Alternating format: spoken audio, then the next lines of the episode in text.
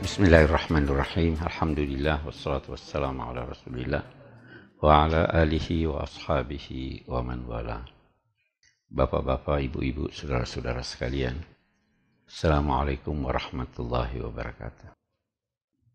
Kita akan berbicara tentang maulid. Yang pertama dulu. Dalam mendengar dalam membaca uraian-uraian menyangkut Nabi Shallallahu Alaihi Wasallam, kita harus punya prinsip-prinsip dasar. Yang pertama dia manusia. Innama ana basyarun Manusia kan? Jadi jangan sudah tambah-tambah hal-hal yang mengarah kepada membedakan sosok kemanusiaannya dengan yang lain. Dia juga marah. Dia juga lapar. Dulu orang-orang musyrik beranggapan bahwa kalau nabi itu tidak boleh manusia. Tidak boleh manusia. Apa keistimewaannya dia sama-sama kita? Allah memerintahkan Nabi, Qul innama ana basyarum mislukum. Ini manusia seperti kamu. Tidak usah berkata ada mata di belakangnya. Dia juga sakit. Dia juga lapar. Dulu melihat Rasul yakulut ta'am wa yamshi fil aswaq. Kenapa ini katanya Rasul kok makan, masuk pasar? Begitu Anda baca sesuatu, eh, eh, riwayat yang sangat-sangat bertentangan dengan kemanusiaan secara umum, ragukan dia. Walaupun dalam saat yang sama kita berkata, ini biasa orientalis yang lupa, kita berkata bahwa dia manusia tapi dia juga nabi. Sehingga dalam sosok kenabiannya dia bisa didukung oleh hal-hal yang berada di luar kemampuan manusia. Nah, itu. Kalau dia manusia, maka apa yang dianggap baik oleh manusia, itu ada pada Nabi. Apa yang dianggap buruk oleh manusia itu tidak mungkin ada pada Nabi. Karena manusia. Kebersihan pasti Nabi bersih. Saking bersihnya dia suka pakai baju putih. Apa sih hikmahnya itu pakai baju putih? Ada dua. Yang pertama kalau kotor ketahuan. Jadi jangan coba-coba pakai baju putih kalau Anda kotor. Nabi paling suka baju putih. Yang kedua, Anda punya dua baju putih aja, orang tidak tahu berapa baju Anda. Kalau kita punya, oh itu dulu dia pakai bajunya yang merah. Itu dulu dia pakai bajunya yang ini. Itu Nabi. Bersih, rapi. Walhasil semua yang terpuji ada pada dia. Begitu ada yang tercelah, katakan ini bukan Nabi. Ya kan? Ada orang berkata, sekarang tolok ukur, gentleman itu apa? Nabi itu sangat gentleman. Katanya sekarang orang yang gentleman itu ditandai oleh tiga hal. Yang pertama, menepati janji. Sangat menepati janji. Yang kedua, menghormati perempuan. Anda kalau tidak hormat sama perempuan, bukan gentleman. Dan punya harga diri. Anda harus punya harga diri. Pernah Nabi ditantang oleh satu orang, saya mau bunuh kamu, ayo Muhammad maju. Ada yang lain berkata, biar kami yang maju. Kata Nabi, dia tantang saya, saya. Karena didukung oleh Allah. Ya kan, itu persoalannya di situ. Nah, di sini kita harus lihat kenabian itu. Ini biasa kalau orientalis itu dia lupa itu. Dia nabi kok. Ada hal yang menarik di antara yang bagus. Kita lihat orang dulu dan kita lihat orang yang kritis. Itu ada riwayat-riwayat. Oh, satu hal dulu yang saya ingin katakan begini. Ulama sepakat bahwa ada ciri dari riwayat-riwayat yang bisa diterima. Kalau kandungan riwayat itu berkaitan dengan kepercayaan, maka riwayatnya harus kuat sekali harus kuat sekali. Bahkan ada yang berkata harus Quran. Nah, kalau yang diinformasikan itu hukum, maka tidak perlu terlalu kuat. Kuat tapi tidak perlu terlalu kuat. Dugaan keras sudah oke. Okay. Hampir semua ketetapan hukum, hampir semua ketetapan hukum Islam itu dasarnya dugaan yang kuat. Yang ketiga, sejarah. Termasuk maulid. Itu ditoleransi.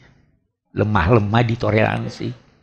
Itu Imam At-Tabari menulis sejarahnya dia katakan begini, saya sampaikan semua riwayat yang saya terima silahkan Anda pilih yang mana yang Anda terima, yang mana Anda tolak. Nah, ini sejarah seperti itu.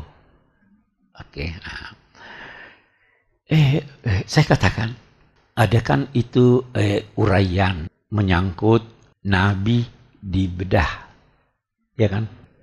Katanya dua kali, waktu kecil terjadi itu, waktu mau mi'raj terjadi itu. Nah, ya. Kalau kita mau pakai ukuran penetapan akidah atau hukum, ini riwayatnya tidak kuat. Tapi diterima aja. Nah, terus datang penafsiran. Oh itu Nabi dibedah untuk mengeluarkan kotoran yang ada dalam dadanya. Saya katakan eh, di maulidnya Habib Habsyi itu bagus sekali dalam konteks ini. Apa sih dia katakan itu? Wa ma akhrajal amlaku min qalbihi adan walakin zaduhu nuran ala nuri. Dia terima riwayatnya, tetapi dia itu malaikat tidak mengeluarkan sesuatu yang kotor di dalam diri Nabi. Tetapi dia tambah cahaya di atas cahaya. Nah, kita bisa bertanya sekarang, apa dasarnya? Ya Habib Ali kamu berkata begitu. Saya tidak tahu apa jawaban beliau. Saya juga tidak tahu apa ada yang bertanya begitu atau tidak. Tapi saya bertanya begitu dan saya berusaha melihat jalan pikiran orang alim yang berusaha seobjektif mungkin. Ah begini nabi itu diistilahkan oleh Al-Quran Innallaha astafa ya kan istifa apa sih artinya Mustafa itu yang terpilih begitu ya nah, oke okay, saya jelaskan itu ada dinamakan sofa ada dinamakan khalas Khalas bukan bahasa Arab tanabang ya. ikhlas kita ambil ikhlas.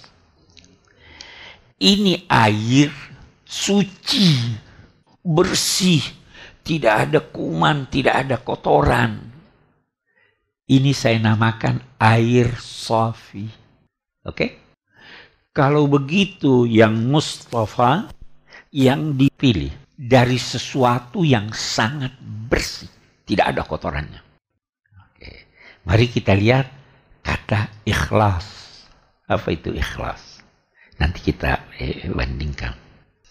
Ini air bersih, tiba-tiba ada noda masuk. Katakanlah batu. Masih bersih atau tidak?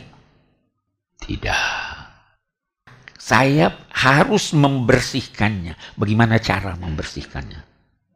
Saya ambil sendok, saya keluarkan batunya. Ini air keluarkan Sofi atau tidak? Tidak. Dia khalis. Dalam hati kita ini, kita semua manusia, ada sesuatu benih kekotoran.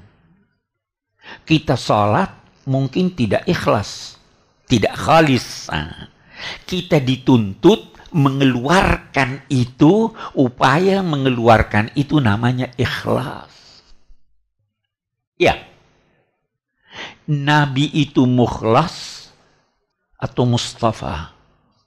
Dia Mustafa, bukan mukhlas. Kita mukhlis. Ada orang-orang yang mukhlas. Allah yang membersihkan. Kalau kita bersihkan diri kita masih ada nodanya. Kalau Allah yang membersihkan, tadinya ada nodanya, tidak terlalu bersih, tapi Allah membersihkan, Allah pilih. Innahu kana minal mukhlasin. Nah, Nabi Yusuf itu. Jadi baca ini tidak mungkin ada kotoran di situ.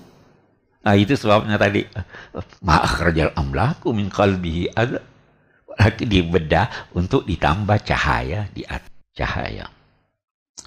Baik. Uh, satu lagi yang saya ingin eh, jelaskan. Jadi begini, kita itu baca dalam uraian-uraian maulid, terkadang ada hal-hal yang kita anggap mustahil. Satu hal yang kita harus ingat, mustahil itu ada dua macam. Biasa orang tidak sadari. Ada mustahil menurut kebiasaan, ada mustahil menurut akal.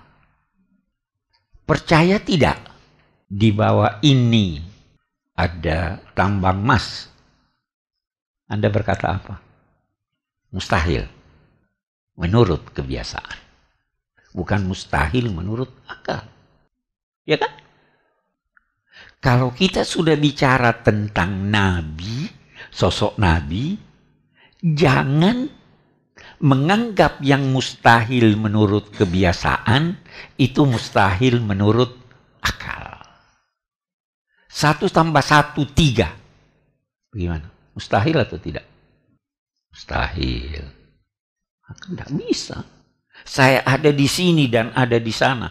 Mustahil. Itu menurut akal. Nah, ulama-ulama kita ketika berbicara tentang maulid, itu ada yang mustahil menurut kebiasaan, kita hati-hati, boleh jadi ini bisa dibenarkan, dan ada yang mustahil menurut akal, ini kita tidak benarkan. Ya kan? Jangan berkata, kan Tuhan Maha Kuasa. Oh, kalau sudah bicara Maha Kuasa, itu itu ada bahasan filosofis. Apa semua segala hal bisa diwujudkan Tuhan? Kita bertanya satu pertanyaan. Semua bisa diwujudkan Tuhan? Iya. Semua bisa. Saya tanya, dia bisa mewujudkan Tuhan seperti dia? Nah, udah. Ya kan? Tidak mungkin. Jadi jangan berkata semua kalau sudah Tuhan semua sudah jadi. Ada yang mustahil bagi Tuhan. Oke.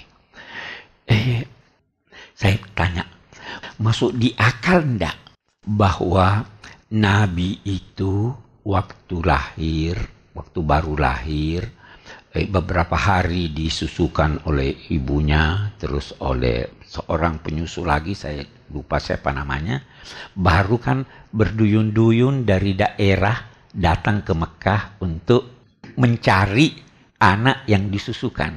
Oke. Itu di dalam sejarah kita baca bahwa itu Nabi nggak ada yang mau ambil. Katakan ini anak yatim. Uangnya pasti kurang. Jadi tidak mau diambil. Dia cari orang kaya supaya banyak bayarannya. Oke. Saya tanya, itu Nabi waktu kecil siapa yang pelihara dia? Kakeknya Abdul Muttalib. Tokoh Mekah. Iya enggak? Tokoh Mekah nih. Kira-kira orang tidak mau ambil ini. Kenapa dikatakan bahwa dia miskin? Dah dong ini tokoh Mekah, ini tidak masuk di akal itu. Ya kan? Ah, tapi kita lihat, Nabi, Tuhan atur. Memang orang-orang tidak mau ambil Nabi bukan dengan alasan bahwa dia miskin. Tapi Tuhan tidak mau orang-orang itu ambil dia. Nah ini Nabi nih. Allah Subhanahu wa taala menghendaki agar yang menyusukan dia itu adalah Halimah As-Sa'diyah. Sama persis dengan Nabi Musa. Nah, Nabi Musa kan ditaruh di eh, terus diambil oleh istrinya Fir'aun ini dicari siapa yang bisa menyusukan siapa yang bisa menyusukan setiap disusukan Nabi Musa nya tidak mau nyusuh ya akhirnya Allah mengembalikan kepada ibunya. Ya. ah, ini ini peranan Allah di sini. Itu tidak mustahil. Jadi tidak usah berkata ah ini ini logika kan logika. Bukan karena miskin. Boleh jadi semua mau tapi Allah palingkan.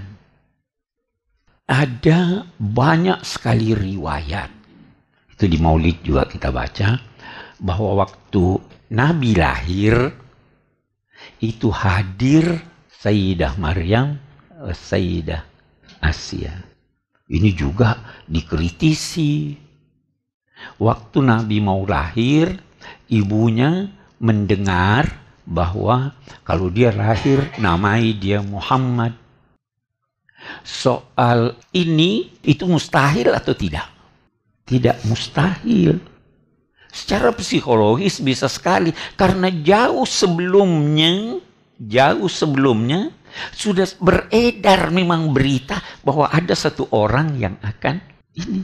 Jadi ibu ini yang sendirian, yang kesepian, yang ini selalu mengharap bahwa anaknya inilah yang akan menjadi nabi.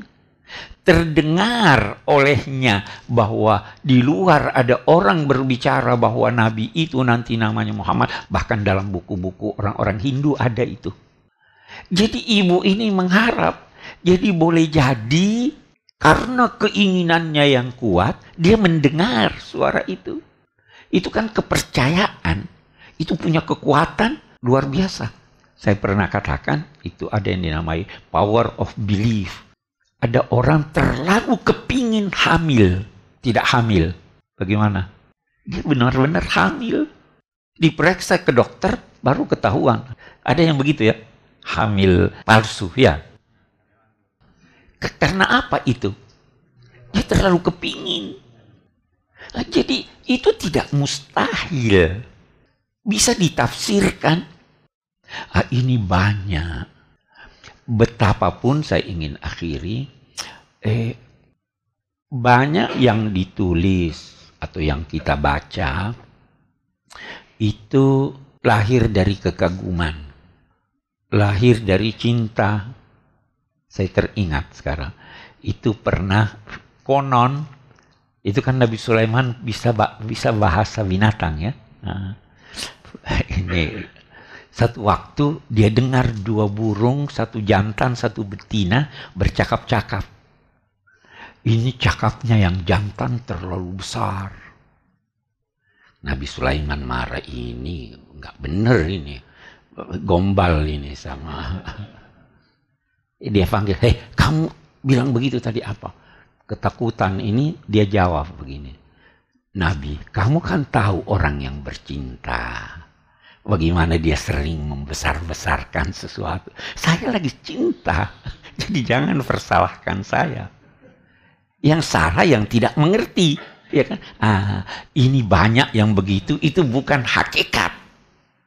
Itu kalau kita baca, eh, katanya, katanya itu waktu Nabi lahir berebutan itu binatang biar kami yang menyusukannya. Maksud akan enggak itu? Itu baca itu di Maulid ada enggak di Maulid itu? Ya. Itu dorongan cinta. Kita baca informasi. Yashubbu fil yaumi syabab sabi fil syahr. Sehari pertumbuhannya sama dengan sebulan kalau orang lain. Abnormal ini. Nabi manusia. Bahwa dia cerdas, bahwa beliau sabar, bahwa beliau tekun, itu benar. Tapi tidak perlu ditambah-tambah dong. Saya kira itu eh, maulid. Ah, gitu. Jadi eh, eh, mudah-mudahan kalau kita dengar nanti orang berbicara tentang maulid Nabi, pasti cinta bisa ada bayangan bermacam-macam karena cinta. Eh, saya tahu ada orang menangis kalau baca maulid. Iya. Ada orang merasa, merasa bahwa waktu berdiri itu Nabi hadir. Tapi ada juga kan orang yang tidak. Itu rasa, rasa kagum, rasa cinta yang bisa berbeda antara seorang dengan orang lain.